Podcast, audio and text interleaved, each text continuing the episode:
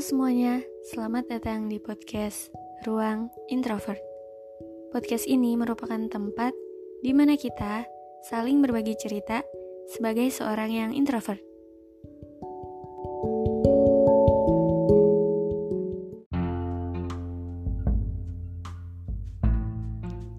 Oke, halo semuanya. Ya, tadi di episode sebelumnya aku udah bilang deh kalau nggak salah yang aku pengen uh, bahas beberapa hal yang bakal jadi beberapa episode yang pendek-pendek karena emang sebenarnya pembahasannya pendek cuman karena beda jadi aku pengen bedain aja gitu. Oke jadi yang kali ini mau aku bahas adalah tentang ya lagi-lagi sebenarnya based on my experience. Karena ya karena aku pengennya cerita tentang uh, bagaimana proses hidup Widih oke jadi hmm, sebagai seorang anak rantau kayak cerita kali ini tentang anak rantau. Menurut aku ya menurut aku setidaknya sekali seumur hidup gitu dalam hidup kalian. Minimal satu kali kalian nyobain yang namanya ngerantau. Minimal banget kan ngerantau beda kota beda pulau. Maksimal ya beda negara lah ya. Tapi kalau misalkan aku pribadi kan ya beda kota doang.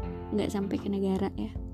Tapi doain aja semoga mungkin S2 aku bisa ngerantau beda negara gitu kan amin karena menurut aku banyak banget pelajaran yang bisa kita dapetin selama jadi anak rantau. Selama ngerantau ke kota orang. Banyak banget jujur. Dari awal aku ngerantau sampai sekarang pun kayak setiap hari ada aja pelajaran yang aku dapetin ya khususnya nih ya terutama yang aku dapetin tuh adalah um, di financial. Keuangan manajemen keuangan sebenarnya semuanya tentang manajemen itu pasti kita dapetin kayak manajemen waktu manajemen keuangan tapi bener-bener deh pas jadi orang pas jadi orang pas jadi anak rantau tuh beneran kayak uh, keuangan aku tuh bener-bener yang aduh gimana nih? Aku harus apa? Duit segini uh, buat satu bulan apa aja harus aku beli? kayak gitu-gitu dari awal aku ngerantau ngekos itu boros banget parah sih. Dan aku emang kayaknya orangnya tuh kurang ekonomis maksudnya susah banget ngirit gitu. Kadang kalau misalkan bukan kadang ya emang sering sih sering boros. Itu ya udah boros boros banget beneran yang boros banget. Karena kebetulan aku juga belum ada penghasilan gitu kan masih masih dapat suntikan dana dari orang tua. Jadi ya uh, jatah bulanan kan dari orang tua gitu ya. Kan kadang ini buat satu bulan kadang baru dua minggu. Itu udah habis setengahnya.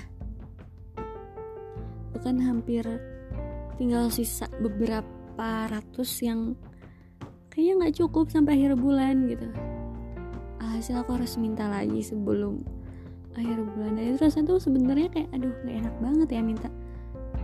Ya beneran ngerasain kayak nggak enaknya minta duit terus ngatur duit harus beli apa aja harus kepake sehari ini harus segini terus um, harus nabung segini.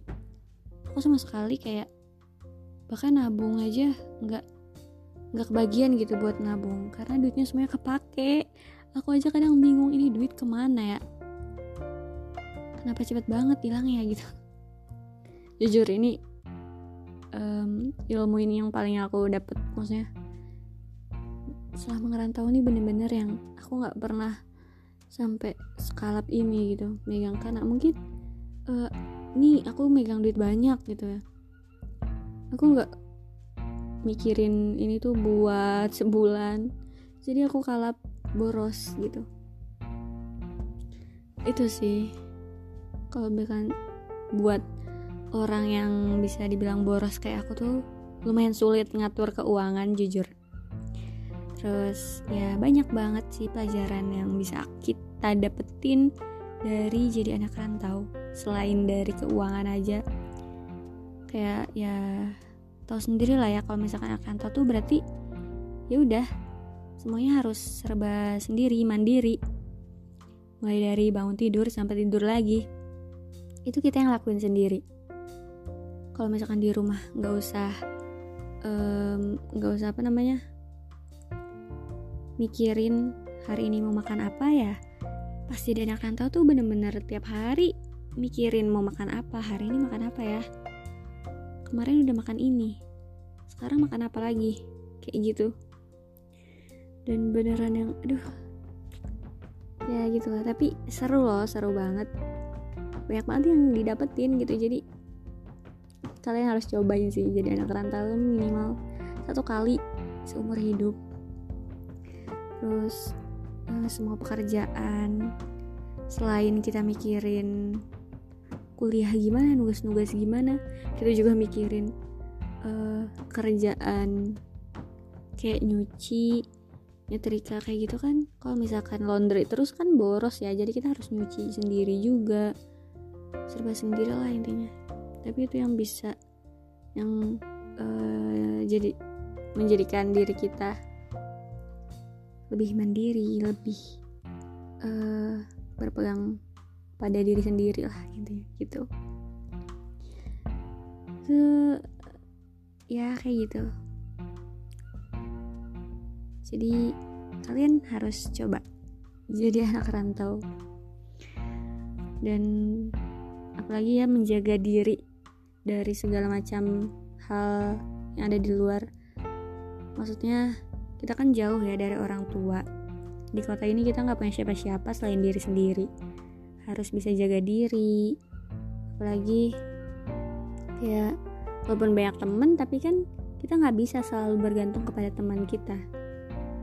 Yang kita punya pada akhirnya cuma diri sendiri lah jadi sebisa mungkin kita jaga diri gitu. Dari pergaulan dari orang-orang jahat di luar sana dari segala hal yang uh, bisa melukai diri kita gitu intinya. Gak bisa jaga diri juga. Intinya banyak banget deh. Banyak banget kalau harus dijabarin uh, pelajaran apa aja yang aku dapetin dari jadi anak rantau itu banyak banget. Pokoknya ini recommended banget sih buat kalian coba.